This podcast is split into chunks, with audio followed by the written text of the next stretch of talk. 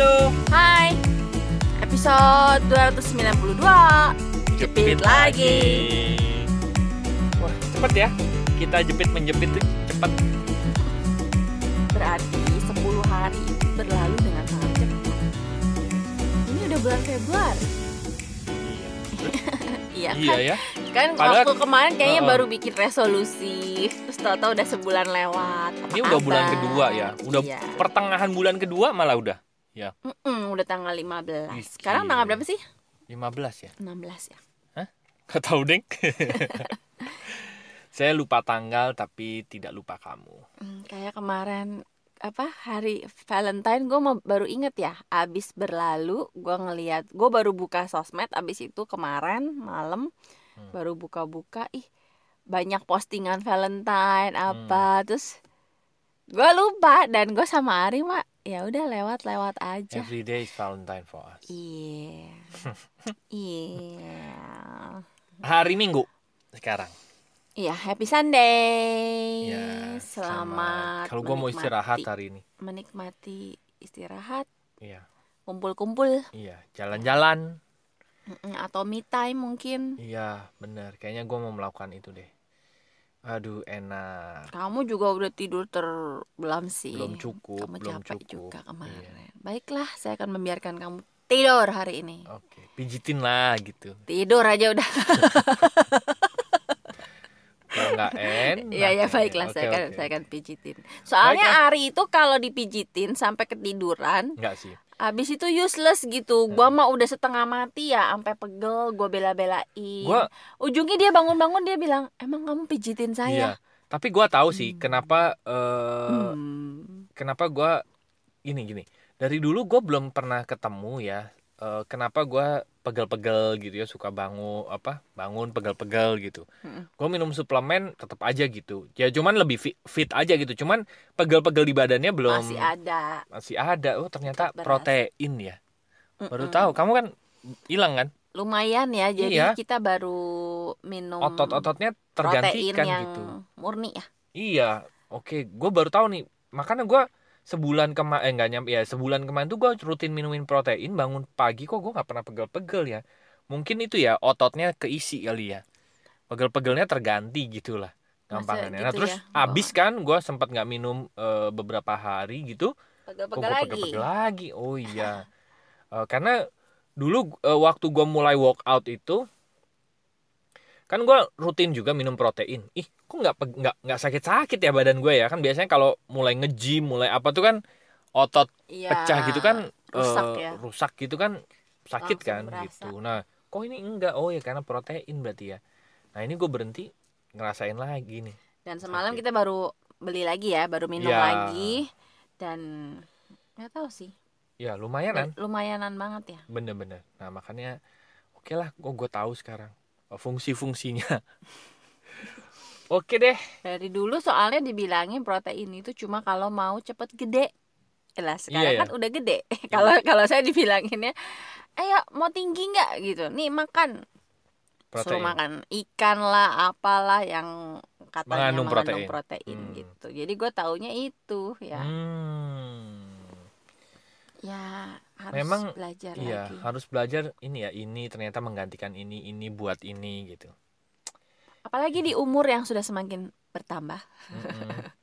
Kita harus sudah semakin aware ya iya loh. sama asupan nutrisi. Kalau dulu kayaknya gue makan gorengan tiap hari makan daging tiap hari tidak ada masalah.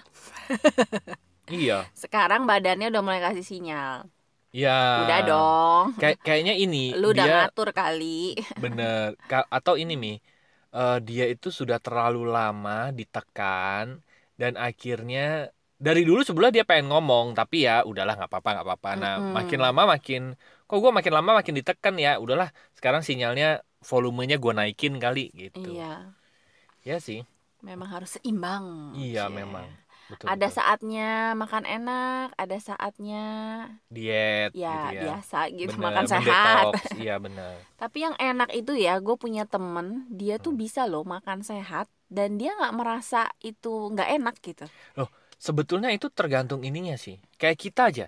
Kita ngelakuin tiap hari workout 15 menit apakah tersiksa gue mah enggak gue mah Gua menikmati iya. Hah, kamu tersiksa oh saya mah enggak soalnya saya eh, saya menikmati gitu kayak gue baca buku 15 menit sehari gue tersiksa nggak enggak gue menikmati gitu karena menurut gue Hmm. itu sesuatu yang menyenangkan karena yang beber- podcast beberapa waktu yang lalu ya Hmm. itu jadi gue tahu gitu rewardnya tuh apa gitu untuk eh, apa namanya masa depan gue gitu Oh iya. Nah, kalau yang teman gue tadi itu teman-teman yang lain pada bilang, "Iya, soalnya dia tuh lebih lebih seneng ngelihat penampilannya di kaca nah karena badannya bagus kan." apa sebetulnya itu yang disasar kan Jadi dia Iya. tuh ah puas gitu kan. Jadi Aduh, puas makan makan begitu doang mah nggak apa-apalah se sepadan dengan hasil yang dia dapatkan dan dia sangat suka dengan hasilnya. Nah, mendapatkan kepuasan Cuma ya, kenapa banyak teman-teman yang lain itu merasa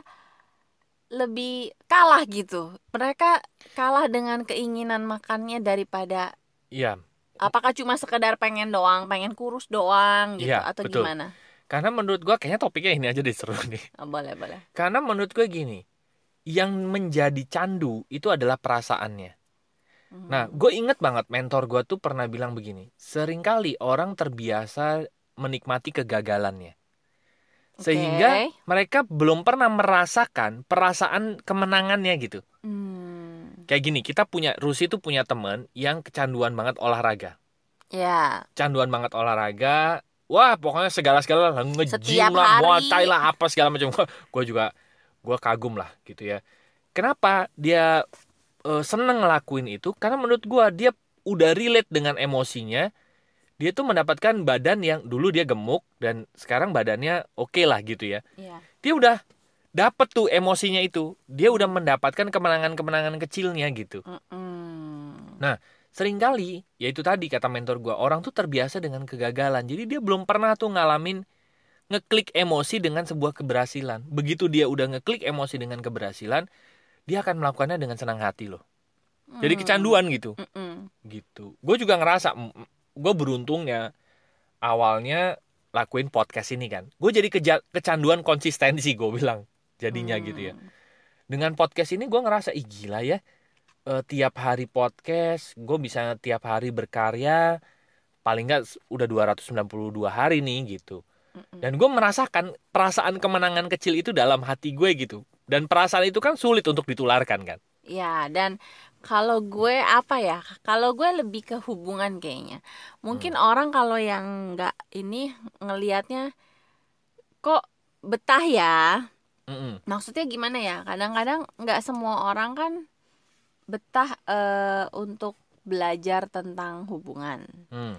Dan belajar tentang hubungan itu sendiri nggak gampang Hmm. karena ada ego-ego yang di ya yang ego-ego yang Dilepas, disasar, ya, yang ya. ego-ego yang dilepas, Hmm. terus otomatis pasti kalau yang namanya hubungan itu jadi ya namanya juga kita mikirin orang lain, berarti kan kita tidak bisa sebebas kalau kita mikirin diri sendiri gitu kan. iya iya iya Nah, cuma ya itu kalau di gue karena gue udah ngerasain hubungan yang enak banget, jadi buat gue nggak masalah. hmm. nggak masalah gue melakukan hal-hal yang eh ya itu ya apa kalau di lagunya Kahitna meski tak sebebas merpati meski Apa? tak sebebas merpati Iya, cuma gue merasakan oh yang gue punya sekarang tuh enak banget gitu. Jadi gue nggak masalah, bener tadi ya. Gue nggak masalah dengan mengorbankan ini ini ini dan perasaannya udah bukan berkorban lagi bener gitu. Jadi perasaannya senang-senang aja kan ya happy Iya. aja Bener. gitu. Karena yang didapat menurut gue jauh lebih berharga gitu Betul. daripada apa yang kelihatannya dikorbankan. Iya betul. Dan ya itu menurut gua sih kecanduan rasanya itu yang eh, yang membuat kita menjalani prosesnya itu jadi menyenangkan gitu. Nah, iya. Nah sering kali itu kan orang gini, gue baru baca buku buku mindset ini bagus banget menurut gue. Mm-mm.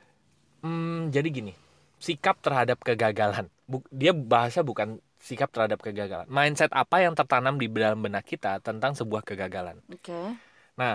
Terutama kita semua tahu cerita kura-kura sama kelinci yang lomba balap lari. balap lari itu kan Uh-uh. gitu. Nah, kita selalu menganggap bahwa lambat itu eh dia ceritanya apa ya?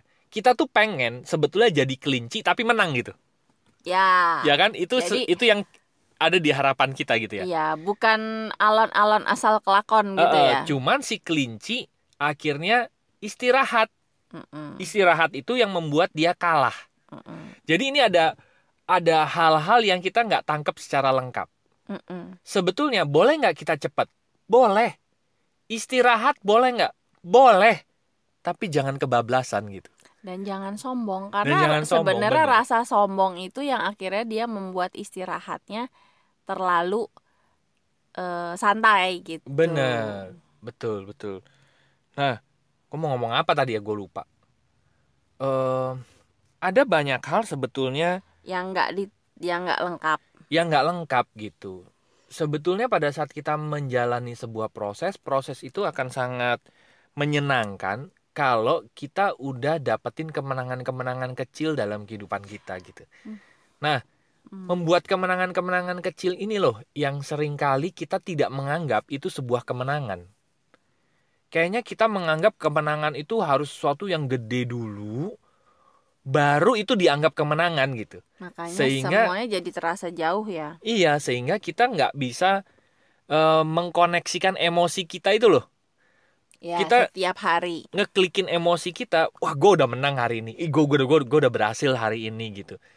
Itu yang itu yang eh, apa namanya sering kali kita menganggap bahwa itu bukan kemenangan-kemenangan Iya. kemenangan-kemenangan diri kita Jadi gitu. kita ngelihatnya tujuannya itu jauh Gede aja banget, ya. Tapi benar. kalau benar di breakdown kecil-kecil setiap progres di mm, Disyukuri gitu ya. Terus dan dimenangi gitu ya. dihargai, Iya. maka kita akan melihat eh, kita tuh makin makin deket sama tujuannya karena tiap hari kita ngerasain keberhasilan-keberhasilan yang ke arah tujuan itu. Betul. Gue kemarin baca IG-nya salah satu orang hebat lah ya. Menurut gue dia eh, legend lah. Dia bilang gini, sukses itu bukan berat, bukan pada saat kita mencapai titik yang kita inginkan gitu. Tapi sukses itu adalah pada saat kita sudah terbiasa membangun sebuah kebiasaan untuk mencapai level itu gitu. Ya. Jadi misalnya dan dia bilang gini, contoh ya, kalau kita mau punya badan yang bagus, apakah bisa cuman nge-gym satu kali badan bagus? Enggak kan? Nge-gym sebulan juga belum Nge-gym tentu sebulan bagus juga ya. belum tentu bisa langsung bagus. Tapi kita tahu nih, oke, gue pengen bentuk badan yang kayak gini gitu. Nah, definisi sukses buat dia adalah ketika gue bisa membentuk sebuah kebiasaan dan namanya kalau udah kebiasaan kan kita ya udah kayak kita eh, apa ya kebiasaan gosok gigi pakai tangan kanan kan kita udah nggak mikir lagi kan gue gue gosok gigi pakai tangan kanan apa tangan kiri ya gitu udah nggak berasa nggak effort udah ya. nggak berasa effort. Nah, definisi dia sukses adalah pada saat gue bisa membentuk sebuah kebiasaan dan kebiasaan ini menuju pencapaian yang gue pengen dapetin gitu. Nah, kalau misalnya gue pengen punya badan yang bagus, gue tahu nih, oh kebiasaan yang perlu gue bentuk adalah gue harus nge-gym misalnya nge-gym ini ini ini ini, ini 30 menit satu hari. Mm-mm. Dan tiap hari dia konsisten lakuinnya. Itu udah satu kebiasaan sukses. Jadi setiap kalau setiap hari dia nge-gym, dia udah sukses sebetulnya. Hari ini gue Ya. sukses, hari ini gue berhasil lagi, hari ini gue berhasil lagi. Jadi kalau ada satu hari yang lepas, itu kayak perasaannya, aduh, hari ini gue harus nih ngelakuin ini gitu. Gue gue kemarin beberapa hari yang lalu, gue PP bolak-balik ya, bolak-balik Jakarta, Cilegon, Jakarta, Cilegon gitu. Gue sebisa mungkin, sekuat mungkin eh, sebelum gue berangkat ke Jakarta lagi, pagi gue workout dulu gitu. Workout dulu 15 menit. Karena gue merasa bahwa iya itu itu adalah sebuah kegiatan harian gue gitu. Kegiatan harian yang mau gue lakuin untuk mencapai pencapaian yang gue inginkan gitu.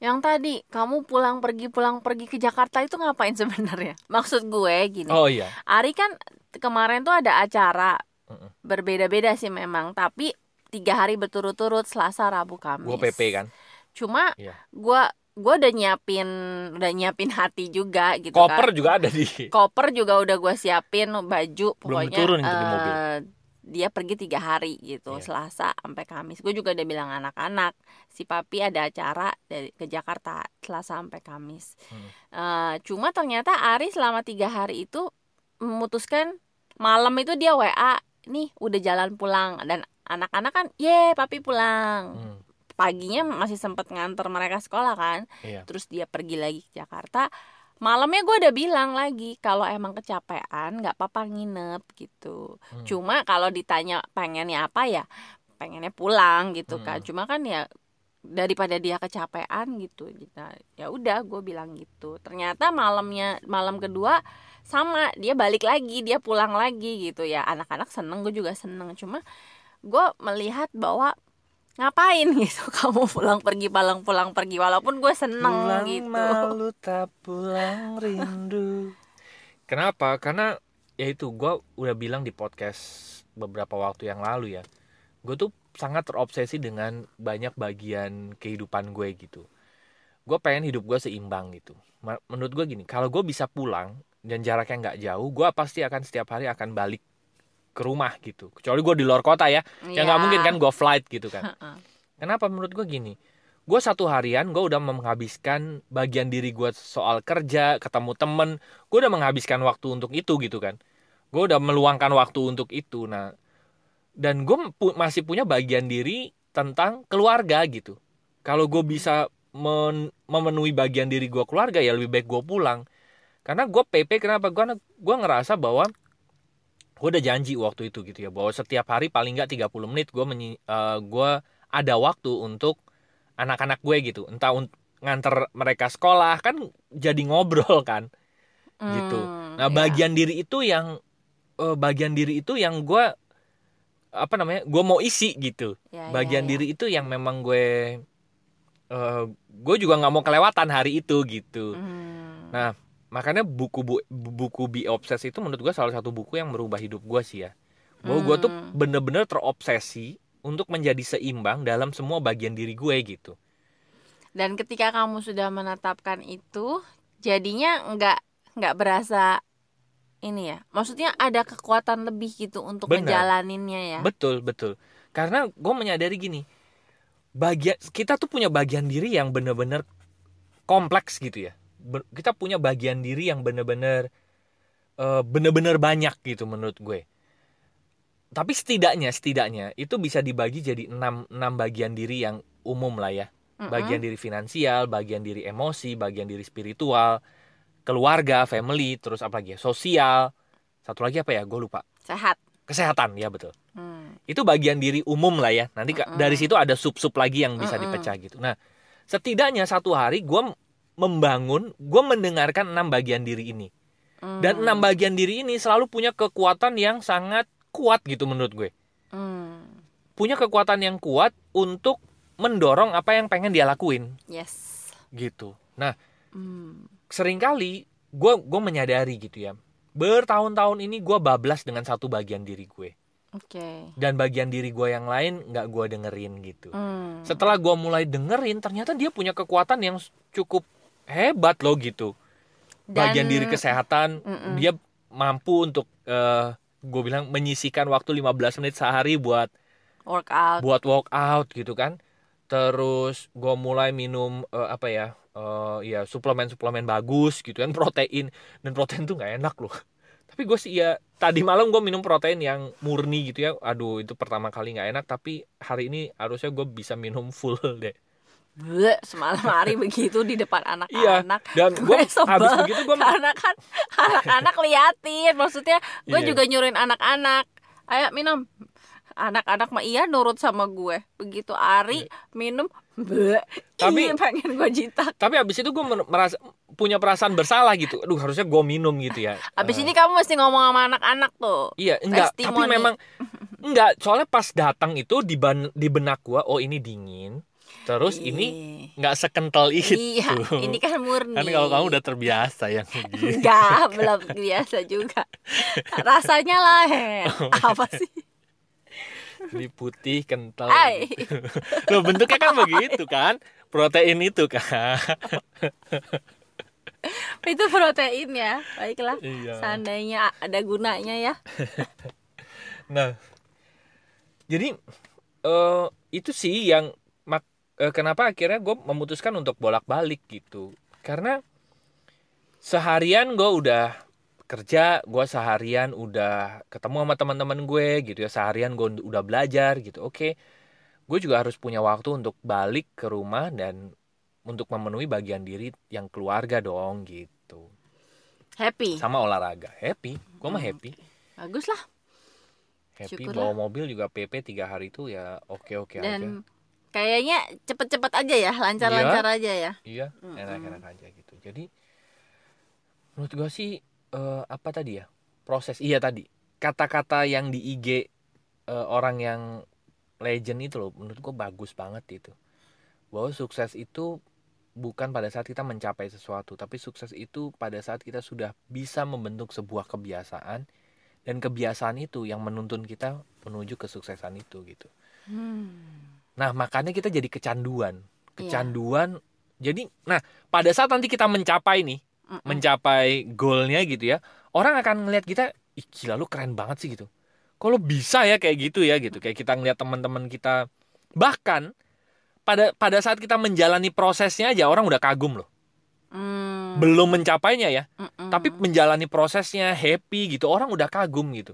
Menurut gue itu adalah itu udah pencapaian hebat gitu dalam dalam hidup. Ya ya ya ya. Gitu. Dan setiap orang pasti akan terobsesi kok minimum satu dalam sisi kehidupannya. Kita punya teman yang terobsesi makan sehat ya kan? Mm-mm. kita punya teman yang terobsesi untuk olahraga nge-gym muay thai dan lain sebagainya. Ada orang yang terobsesi dengan uang. Dan gue baca gue baru mulai baca buku Be Obsessed itu. Belum banyak sih baru berapa halaman cuma yang salah satu tipsnya dia di awal itu gini semua orang itu pada dasarnya pasti punya obsesi dalam Hmm. dirinya betul cuma entah kenapa ya mungkin karena ya banyak pengalaman Hmm. banyak dipatahkan juga Betul. gitu jadi obsesi-obsesinya itu udah meredam gitu Mm-mm. Nah, dia cuma bilang gini, nggak usah mikir yang gede-gede dulu deh. Coba kenalin aja satu obsesi aja dalam diri Iya. Anda. Entah itu soal game, entah soal Mm-mm. apa, tapi pasti ada satu hal yang Anda tuh di situ tuh pengen banget Terobsesi menang banget gitu, gitu, iya, pengen iya. banget eh, berhasil, pengen banget bisa jadi ini, bisa jadi itu. Dari yang kecil-kecil aja dia bilang Mm-mm. nanti dari situ kita mulai bisa mengenali lagi gitu Obsesi, obsesi-obsesi iya, lain betul. yang lebih Gua besar sepakat, iya, dampaknya untuk hidup, hidup gitu kita betul dan gue pikir iya. Bener. Jadi pada mulai mulai benar. Pada saat kita memulai prosesnya, proses membentuk kebiasaannya itu, kalau gue pribadi ya menganggap bahwa pada saat gue menjalani proses itu hari demi hari, hari demi hari, bisa nggak nyanyi eh, bilang hari demi hari tanpa nyanyi? Iya pada saat gue menjalani prosesnya itu eh, setiap hari, gue ngerasain gitu hari itu gue menang, hari itu gue menang, hari itu gue menang. Jadinya gue kecanduan gitu, gue tanda kutip ya, gue kecanduan perasaan itu gitu. Gue kecanduan bahwa "Eh, emang ya diri gue nih hebat ternyata. Gue makin kagum sama diri gue gitu. Tiap hari gue bisa konsisten ngelakuin itu gitu. Dan menurut gue perasaan itulah yang akhirnya membentuk kebiasaan dan Mm-mm. akhirnya kita mencapai gitu. eh, mencapai apa? Pencapaian yang memang kita inginkan. Iya gitu. benar dan gue inget yang tadi tuh yang mulai dari hal kecil iya ya ada sih misalnya kalau kayak gue ada sih gue demen main game dan kalau udah di game itu tuh kayaknya hmm, gue punya target gitu gue punya goal Hmm. gue harus harus nyampe level sekian rank sekian gitu ya gue Iya. harus ngumpulin apalah koin atau apa sekian nah itu kan sebenarnya berarti gue punya sisi obsesi dalam diri gitu Mm-mm. cuma masih di area yang signifikansi terhadap hidupnya masih kecil gitu Iya. kan ya Tapi it's okay kan? tapi berarti punya Ada gitu kan, kan bener. Nah, tinggal eh, gue munculin sebenarnya Betul. eh, gue pengen apa di digali lagi gitu karena Bener. obsesinya sering kali yang tadi sering kali udah terpendam gitu karena satu dan lain hal pengalaman dan segala macam yang membentuk diri kita saat ini gitu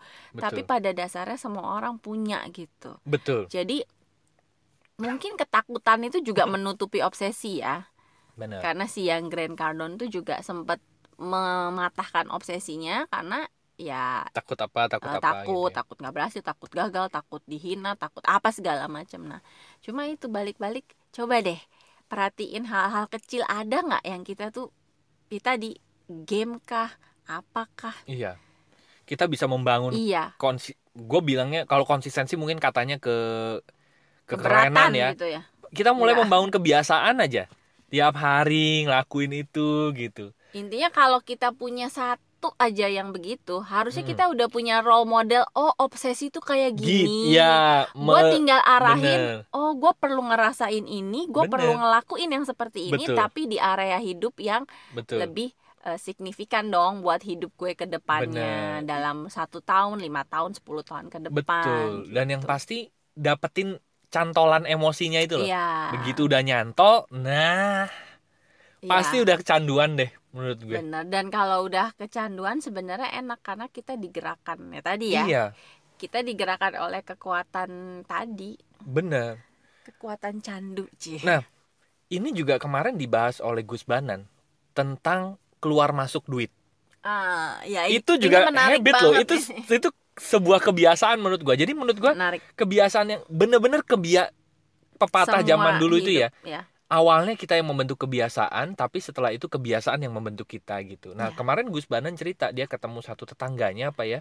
Iya satu ibu gitulah. Ibu gitu yang sudah terbiasa eh, untuk hidup yang eh, bukan hidup hidupnya tuh jor-joran gitu lah anaknya dibeliin baju yang bagus apa bagus kebutuhan juga bagusnya. selalu nah yang bagus. heran ya suaminya itu PNS kalau nggak salah mandor mandor eh mandor bangunan dian dianya apa ya dianya cuma kayak ngajar privat Iya, betul. musik Bener, bener, bener. les gitu-gitu tapi lucunya setiap bulan ada loh dana itu kalau dipikir-pikir Iya. dana dari mana gitu dan tahu waktu gitu. itu dia eh, lagi tiba-tiba kebutuhannya lagi banyak karena anaknya ada Oh, yang iya, mau benar. masuk sekolah betul ada yang mau masuk pesantren gitu Bener. kan nah dia tuh jadi berpikir apa karena kebutuhannya jadi lebih banyak apa gue mesti irit-iritin ya Hmm. gitu yang yang se- sebelumnya keluar ini apa apa harus dikurangin gitu Hmm. kan tapi ternyata si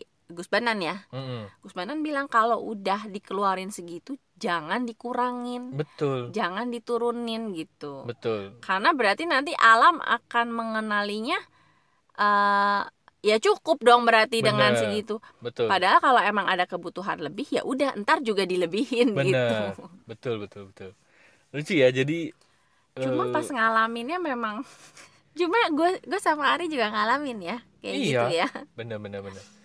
Begitu udah mengenalinya sebagai kebutuhan nggak tahu dari mana dan nggak tahu gimana ya ada gitu. Mm-mm. bener. Dicukupi iya deh gitu deh teman-teman. Jadi eh, selamat menikmati gitu ya kemenangan-kemenangan tiap hari dan rasain kemenangan itu jadi sebuah kemenangan dan jadi kebiasaan. jadi kebiasaan dan perasaan itulah nanti yang akan menggerakkan kita untuk bisa jadi konsisten gitu. Untuk bisa jadi habit untuk bisa menjadi itu sebuah kebiasaan. Untuk itu jadi identitas. Kalau udah bisa Nah. jadi identitas lebih enak lagi seru lagi. itu jadi menurut gue ya pencapaian dari kita nyampe level A, level 5 misalnya kita udah nyampe level 5 kita mau naik level 10 kita cuma membentuk kebiasaan lagi yang baru. Dan mungkin bukan kebiasaan baru gitu ya kebiasaan-kebiasaan lama tapi mungkin dengan pola pikir yang lebih tinggi mungkin. Cuma kayaknya cuma permainan begini aja nih menurut gue gitu. Iya benar benar Iya kan? benar. Bener-bener menarik menurut gue makan dari zaman dulu ya gue di MLM tuh ada namanya eh, kebiasaan core core be a core person ya kan iya itu aja yang diulang terus aja Jadi itu orang oh iya ya inti. gue pikir Nah, sebenarnya iya ya, ketika kita mereview lagi kita mau apa, tujuannya udah tahu apa, nanti kita jadi bisa milah kebiasaan inti apa sih yang perlu kita bangun gitu ya. Mm-mm. Balik-balik ke yang produktivitas beberapa podcast yang lalu kita bahas. Jadi setiap hari entah bagaimana eh, iya, kegiatan-kegiatan bener. kita yang kita lakukan ya mengarahnya ke kebiasaan inti Betul. tadi gitu betul betul betul betul dan ternyata gue baru dapat insight lagi nih dari Ari bahwa di awal iya sih kayaknya berat ya Mm-mm. males gitu Mm. tapi ketika kebiasaan intinya itu udah jadi dan itu yang mem- membentuk dan menggerakkan hari-hari kita Mm-mm. itu yang bikin kita ya ternyata makin dekat makin dekat ke tujuan, kita tujuan kan? gitu. Iya, Jadi bener. ah makin kebayang gitu. betul betul. Seru ya. ya asik sih. Jadi selamat menikmati deh kemenangan-kemenangan kecilnya tiap Yes. hari dan eh, cantolin itu di perasaannya nanti teman-teman akan eh ya tadi ya bahkan pada saat kita berproses aja udah banyak orang yang kagum gitu kok lo bisa sih gitu padahal kita tahu kita belum mencapai pencapaian Mm-mm. yang kita Mm-mm. ingin capai gitu tapi dari proses yang kita jalani aja udah banyak orang yang kagum. Nah manfaatan perasaan itu juga gitu ya. Terima aja kalau misalnya ada orang yang kok lo bisa Ya. kayak gitu sih? Kagum segala macam. Lo kan seneng kan? Anggap aja itu vitamin ya. iya.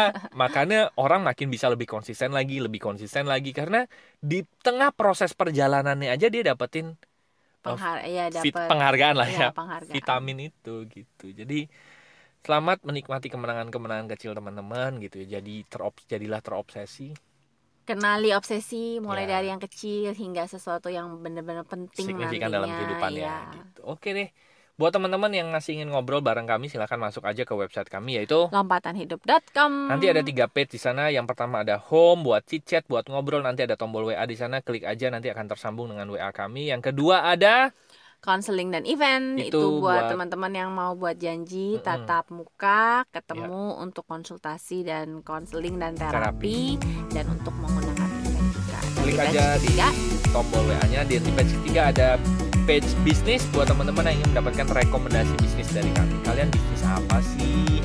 Mau dong bisnis bareng kalian? Silahkan masuk aja ke page yang ketiga. Klik aja tombol WA di sana. Nanti akan terhubung dengan WA kami.